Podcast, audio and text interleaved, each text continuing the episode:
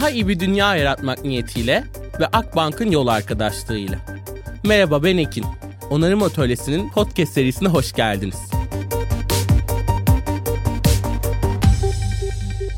Herkese kocaman bir merhabalar. Onarım Atölyesi Podcast'ın yeni bölümüne hoş geldiniz. Bu bölümde yine çok heyecanlıyım çünkü böyle yolumuz kesiştiğinden beri sürekli sohbet ettiğimiz, konuştuğumuz ve enerjimizin de birbirine çok iyi geldiği bir konuğum var. Aslında bugün Beyza Çalıkoğlu benimle birlikte. Beyza Teyit'te topluluk sorumlusu olarak çalışıyor. Bizim de yolumuz bu çok çok bahsettiğimiz ve konukta olduğumuz sivil dışında aslında kesişmişti. Ve bugün burada birlikte olduğumuz için Teyit'i, onarmayı, pür meraka konuşacağımız için de çok heyecanlıyım. Hoş geldin Beyza. Hoş bulduk Ekin. Seninle burada olmak harika. Gerçekten bu yaptığımız böyle sohbetleri, merakları, birlikte deneyimlediğimiz şeyleri de böyle dünyaya sunacak olmak da çok güzel. Ben aslında genel olarak biraz daha senin meselelerin noktasından başlamak istiyorum. Çünkü genel olarak bu podcast'te hep de bahsettiğim gibi biz önce meseleler odaklı ilerlemeye gayret ediyoruz. En temelinde bireysel olarak senin meselelerin neler, neleri dert ediniyorsun, senin hikayende neler var ve bu dert edindiğin şeyler, meselelerin hikayendeki rolü ne oldu bugün? Bunu senden duymak ben çok isterim. Ya çok teşekkür ederim. Gerçekten burada olmak, seninle beraber bu kaydı almak benim için çok değerli ve kıymetli. Senin de bahsettiğin üzere ya bir yandan da tekrara düşmeden açıkçası yaptığımız işlerin güzelliği, etkiye değiyor olması, temas ediyor olması gerçekten muhteşem bir şey. Şöyle söyleyebilirim. Meraklı olmayı, doğru bilgiyi ve sosyal etkiyi mesele ettiğimi söyleyebilirim sanırım. Topluluklarla dünyayı iyileştireceğimize inanıyorum. Bu yüzden de aslında topluluk olmayı da kendi içimde mesele ettiğimi söyleyebilirim. Şahane aslında tam da bunların kesişiminde durduğun bir noktayla ilgili de böyle seni ağırlıyor olmak çok çok çok kıymetli. Aslında Tate'i sanırım dinleyen herkes de çok iyi biliyor. Türkiye'de ve dünyada medya ekosisteminin demokratikleşmesi ve aslında hepimiz için doğru bilginin daha erişilebilir bir hak temelli bir bakış açısı olmasının da benim açımdan çok çok kıymetli. Yani hani kötü bir örnek belki ama açıkçası hani 6 Şubat depremini yaşadığımızda da orman yangınlarını yaşadığımızda da veya herhangi bir gündelik bir konuda da önce aklıma teyit geliyor. Yani teyit bizi nasıl yönlendirecek ya da biz nasıl doğru teyitçiliği yapacağız? Çünkü doğru olmayan bilgin özellikle kriz anlarında ne kadar can yakıcı olduğunu da gördüğümüz bir noktada teyit hakikaten hem makro ve daha uzun vadeli süreçte hem de direkt bugün daha acil gündemimizde bize çok çok yol gösteriyor ama ben yine de böyle tüm dinleyicilerimize de hizalanmak için bir teyiti de senden duymak istiyorum. Yani teyit ne, neden teyitlemeliyiz, neyi teyitliyoruz, nasıl teyitliyoruz ve neden doğru bilgi bu kadar önemli, amacı ne? Bunu böyle bir senden duymak öncelikle çok çok isterim. Yani çok doğru bir noktaya temas ettin aslında benim de söyleyeceğim şeyler yanlış bilgi insanların hayatını sandığımızdan çok daha fazla etkiliyor. Yani özellikle senin de bahsettiğin gibi işte kriz zamanları 6 Şubat depremleri olsun hala bir orman yangını var ülkemizde. Ya orman yangınları olsun pandemi gibi süreçler olsun böyle yanlış bilginin etkilerinin geri dönüşünü çok zor bir şekilde deneyimlediğimiz bir hale geliyor.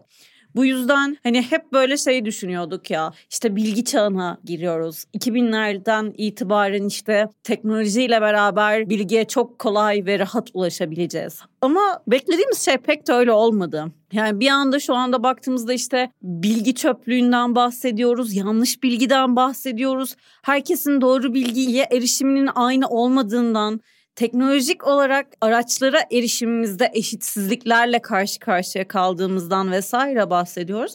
Ya bunların odağında da hakikaten doğru bilgiye erişim bizim için çok kıymetli ve çok önemli bir noktada oluyor. Teyit ise bu bilgi ekosisteminin aktörlerinde eleştirel düşünme alışkanlığını ortak değer haline getirmeyi amaçlayan bir doğrulama organizasyonu diyebilirim. Şimdi bu ne demek ya? Çünkü böyle çok çok bir yandan da teknik duyulduğunun da farkındayım. Herkesin anlayabileceği şekilde bence bunu açıklamak da çok kıymetli. Hepimiz Instagram, Facebook vesaire yani bu tarz internet platformlarında pek çok bilgiyle karşılaşıyoruz. Ve bu karşılaştığımız bilgilerden ilk başta biz bir şüpheleniyoruz. Bunları inceliyoruz. Teyit aslında internetteki karşılaştığımız bilgilerin doğruluğunu araştıran bir platform diyebilirim. Ama bir platformun yanı sıra dijital okuryazarlık ve eleştirel düşünme becerilerini geliştirmek için de aktif eğitimler düzenleyen bir kurum.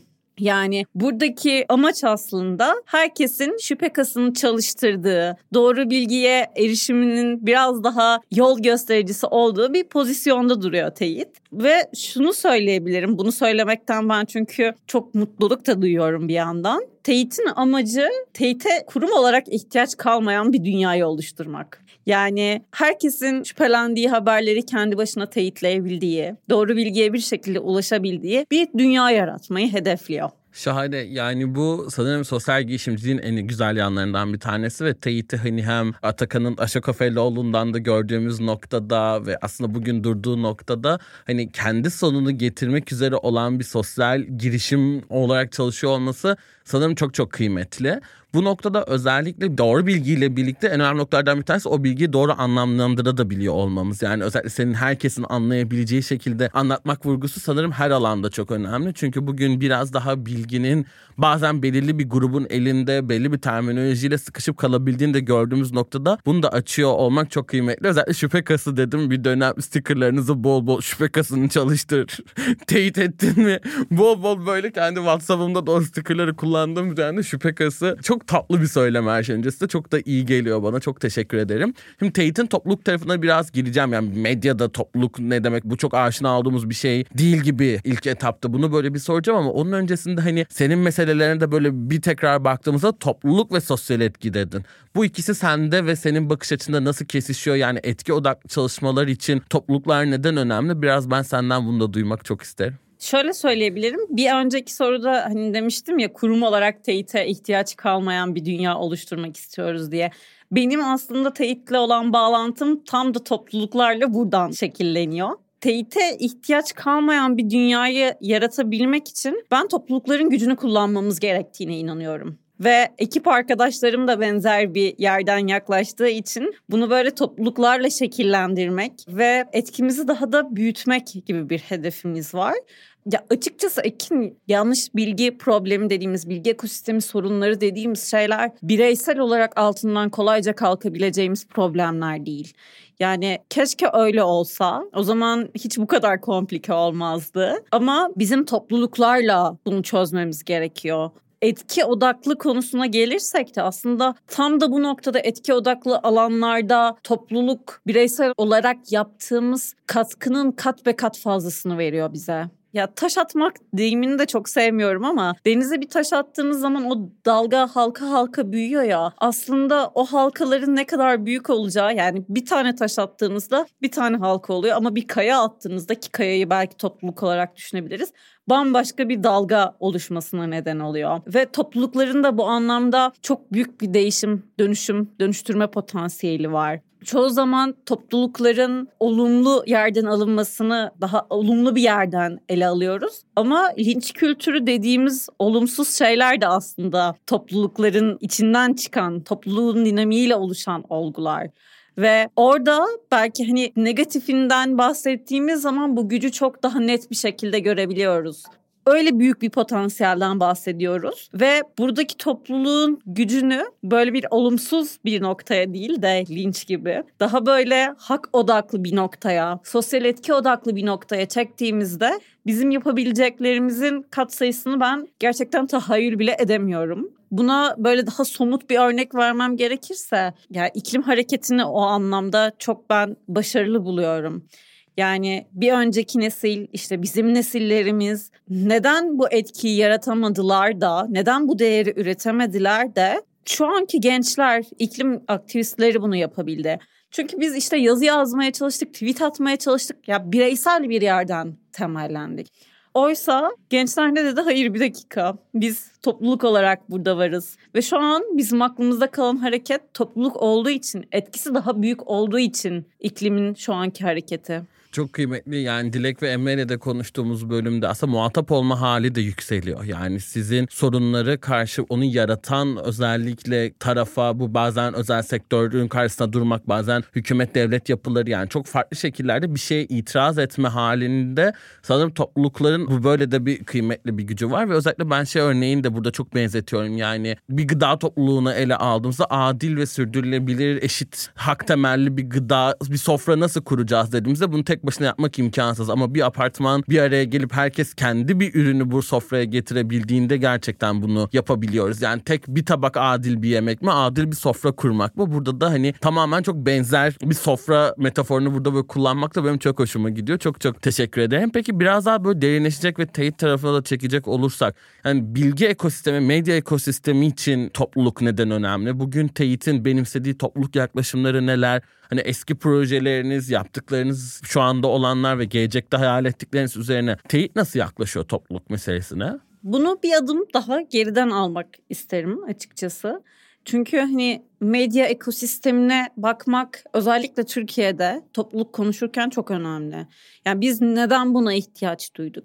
Çünkü şu anda geleneksel olarak düşündüğümüz medya ekosisteminde daha tekelleşmiş, işte belirli ağlarla örülmüş, nefret söylemini arttıran yeri geldiğinde çok fazla farklılıklara yer açmayan yani baktığınızda işte queer biri gidip kültür sanat alanında bir yazı neden yazamıyor geleneksel medyada? Neden gazetede biz bunu görmüyoruz? Neden belirli köşe başları tutulmuş şekilde?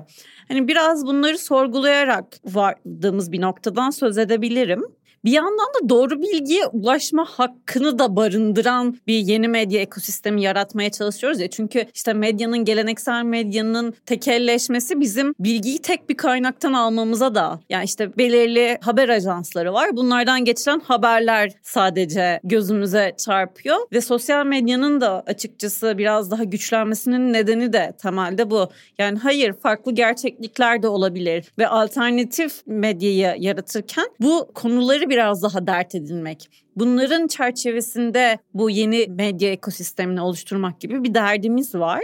Bunun en büyük sebeplerinden biri de yani geleneksel medya topluluğu da duymuyor. Yani kendi kullanıcılarını için içine dahil etmiyor. Hani evet belki böyle benim hep aklıma o geliyor.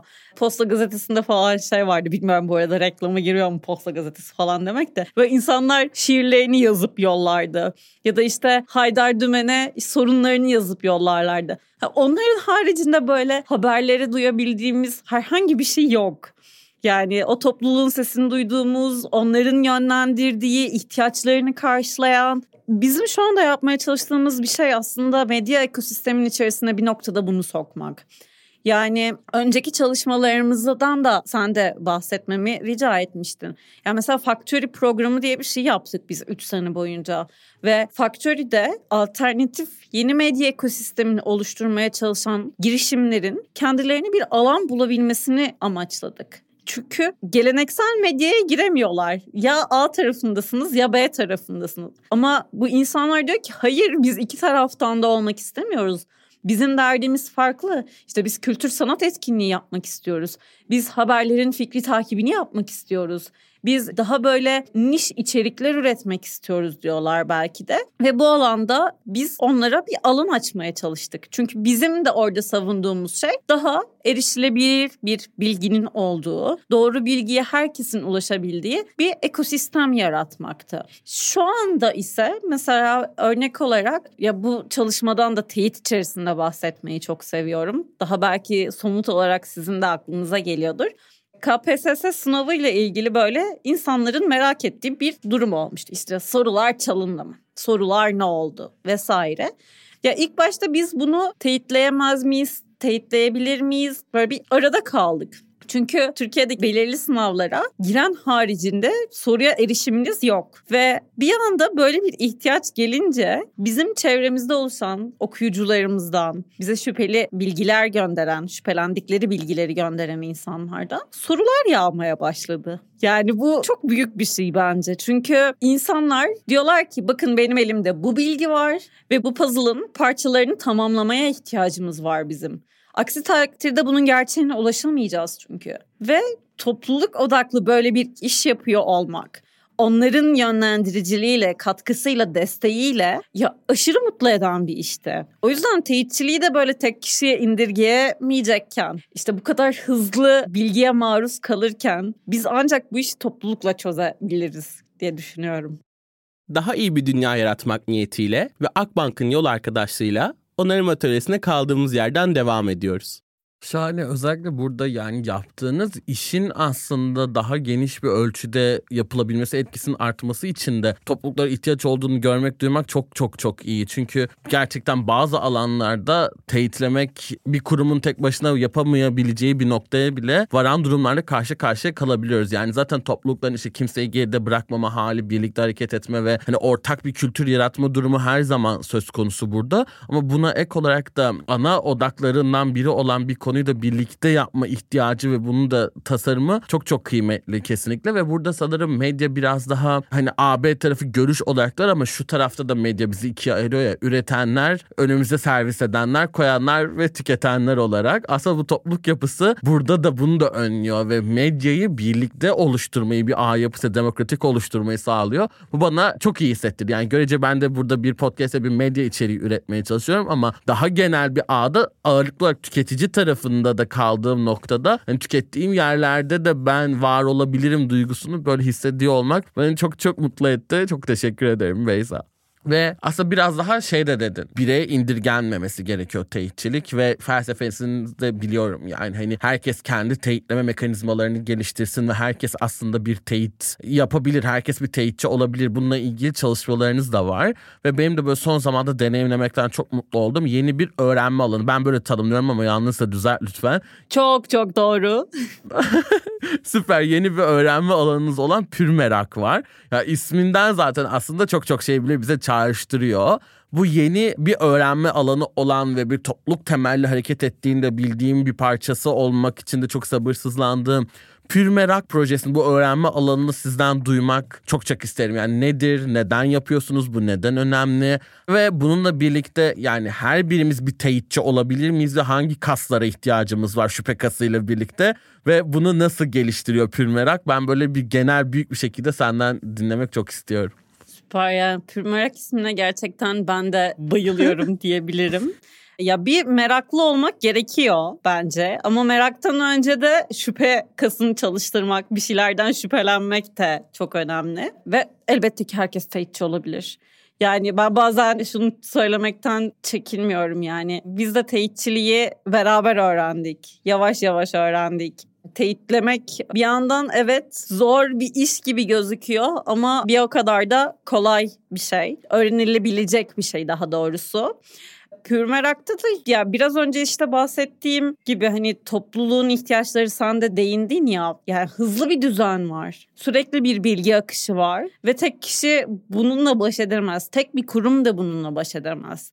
Ya bir de şeyi çok gözden kaçınıyoruz. Evet yanlış bir bilgi yayılıyor. Yayıldıktan sonra pek çok kişi buna inanıyor vesaire. Daha da yayılıyor. Kitlelere ulaştıktan sonra değil de biz pre-banking diyoruz buna. Yani öncesinde ona genellikle müdahale edebilmek. Son zamanlarda karşılaştığımız şeylerden biri de bu işte. Biz mesela teyitte IFCN'in bir parçası olmamızın getirdiği ve bunun yanı sıra işte dünyadaki pek çok fact checking kuruluşuyla beraber hareket hareket etmemizin getirdiği bir şey de atıyorum Güney Asya'da bir şüpheli bilgi çıkıyor ortaya ve bir zaman sonra bakıyorsunuz ki Türkiye'de de yayılmış. Yani bu tarz örnekler de var.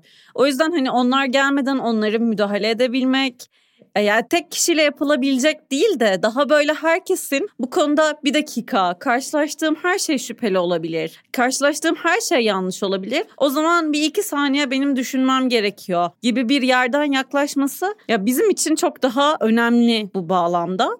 Pürmerak'ta da tam olarak bunu hedefliyoruz. Yani Pürmerak'ta ya Pürmerak kulübü diye geçiyor. Ben o kadar çok alıştım ki artık Pürmerak Pürmerak deyip duruyorum her birimizin teyitçi olabileceği eğitimler yer alıyor. Evet biz daha önce de işte teyitçilik eğitimleri veriyorduk vesaire ama online'da bunu verebilmek, dijital bir platformdan verebilmek çok daha kıymetli. Çünkü istediğiniz saatte gidip o eğitimi tamamlayabiliyorsunuz. Yani gece 2'de uykunuz kaçtı. Kalkıp bir teyitçilik videosu izleyip birkaç tane teyitçilik makalesi okuyabilirsiniz. Yani böyle belirli bir sınırlamaya açıkçası ders programına ya tabii ki de bir ders programımız var, bir akışımız var.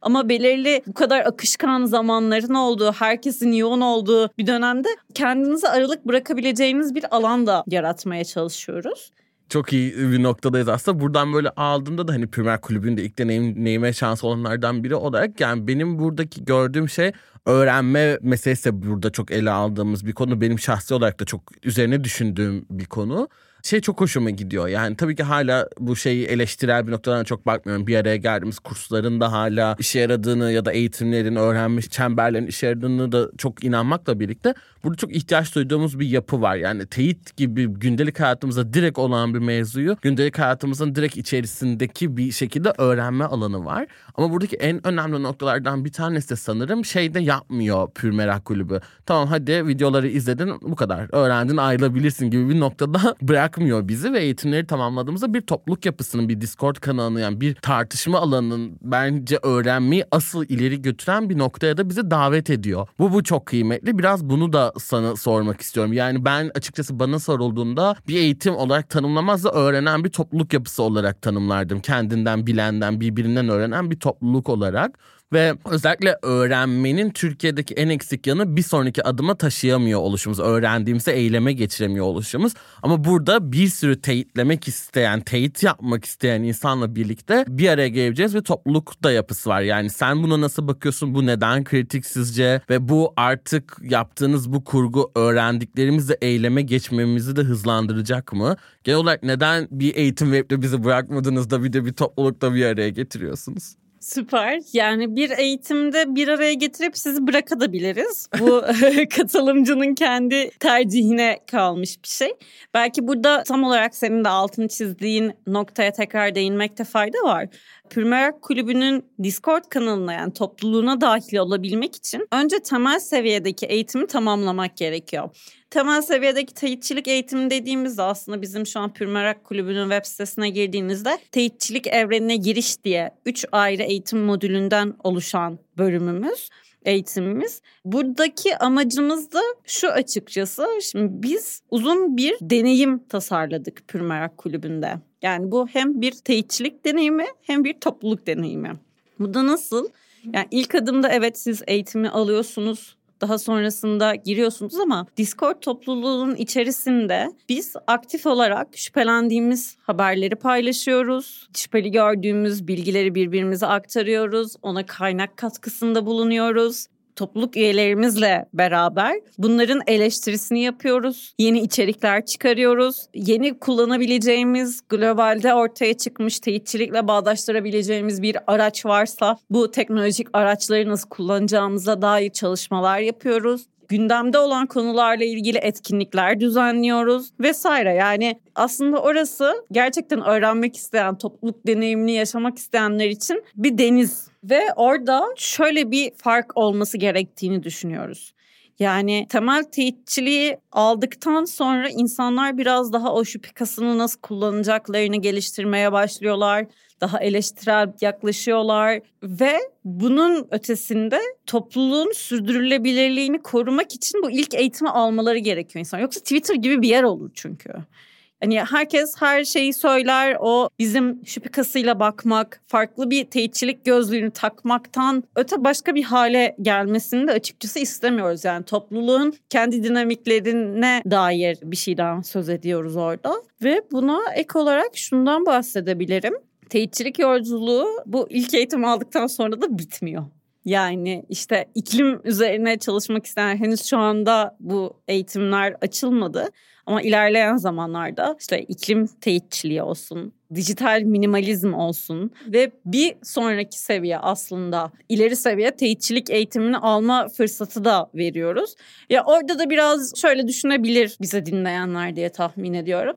İlk eğitimi alıp bir bakıp evet teyitçilik ne? Çünkü o eğitim biraz daha topluluk üyelerimizin dahil olduğu bir sistemden bahsediyoruz ve bu sistemde de beraber teyitçilik yapabileceğimiz bir alan açıyor. Yani şunu da söyleyebilirim. Eğer bu eğitimleri tamamlamış kişiler teyitçilik yapmak isterlerse bunlardan telifli içerik vesaire gibi bir kurguya dahi gidebilecek bir yolculuktan bahsediyoruz. Peki daha da büyük resme baktığımızda sence Pülmerak Kulübü ve buradaki felsefe ülkede ve dünyada daha bağımsız, daha demokratik ve daha doğru bir medya oluşumunda nasıl rol oynayacak ve Pülmerak Kulübü ile dünyayı nasıl onarabiliriz? Çok güzel bir soru. Bunu şey diye söylüyorum ben hep teyite bazen işte yorumlarda falan yazanlar oluyor. Diyorlar ki peki sizi kim teyitleyecek ne olacak falan. E, siz teyitleyeceksiniz ve bizi teyitleyebilmek için de tam olarak teyitçilik faaliyetlerini, teyitçiliğin nasıl yapıldığını öğrenmeye ihtiyacımız var hepimizin. Çünkü eleştirel bakmaya başladıkça kendimizin de eleştirilebileceğini kabul etmek zorundayız. Birinin gelip bizi teyitlemesini de istiyoruz.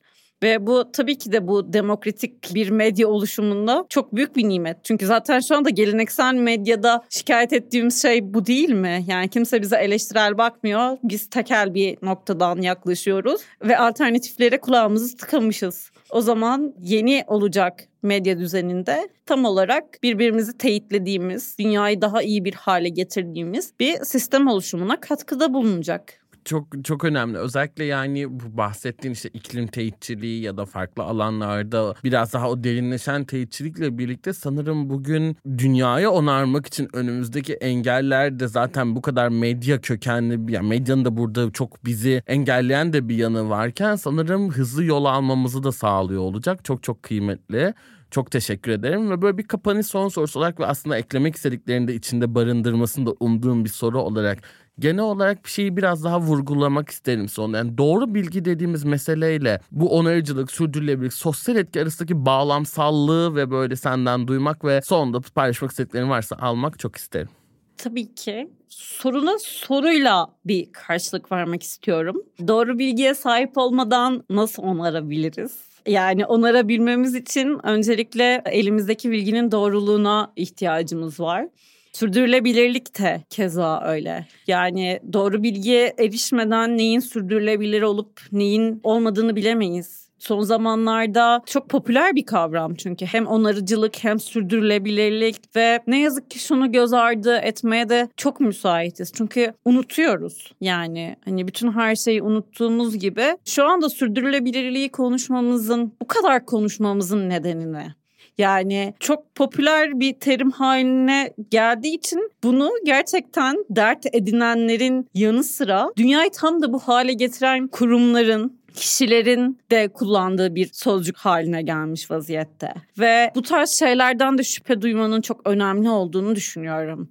Ya özellikle işte greenwashing kavramında ya da yeşil aklama demem daha uygun olur. Gerçekleri araştırmak çok çok kıymetli. Çünkü bize şirketler diyorlar ki evet biz sürdürülebilirlik alanında bakın şunu şunu şunu yapıyoruz. Ama sonrasında faaliyetlerine baktığınız zaman, içerisinde yer aldığı ağlara baktığınız zaman bambaşka mülkiyet ilişkileri ortaya çıkabiliyor. Bu bağlamda bence gerçekleri araştırmak için ve dünyayı onarabilmek için bu kavramları tartışırken bu kavramları kullananların backgroundlarına, arka planlarına bakmak ve o şekilde hareket etmenin çok kıymetli olduğunu düşünüyorum. Bu konuyu asıl biz mesele edindiğimiz için. Hı hı. Çok çok önemliydi Beyza. Bu sanırım hepimizin de böyle doğru noktada durması için de kendimizi teyitlemek için de düzenli olarak yapması gereken bir şey. Özellikle bugün sanırım belli noktalarda durup her birimizin özellikle dünya için çalışan bir şekilde daha iyi bir dünya için hangi gönül olsun çalışan bizlerin de dönüp kendini teyitlemesi çok çok önemli. Çok teşekkür ederim ve benim her konuma en sonunda ortakta bir sorum var. Sence umut var mı? Bence umut her zaman var. Yani kendi içimde yeri geldiğinde çok fazla umutsuzluğa kapılan biriyim ben. Toplulukların gücünü kullanarak daha iyi bir dünya yaratabileceğimize inandığım için hep umut olduğunu varsayarak hareket ediyorum.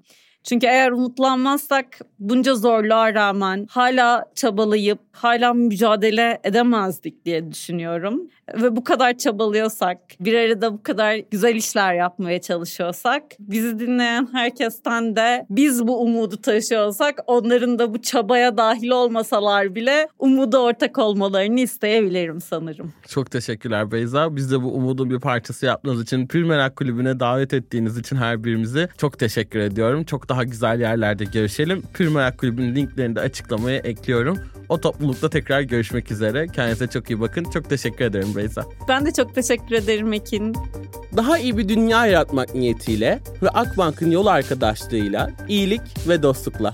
Bir sonraki bölümde görüşmek üzere.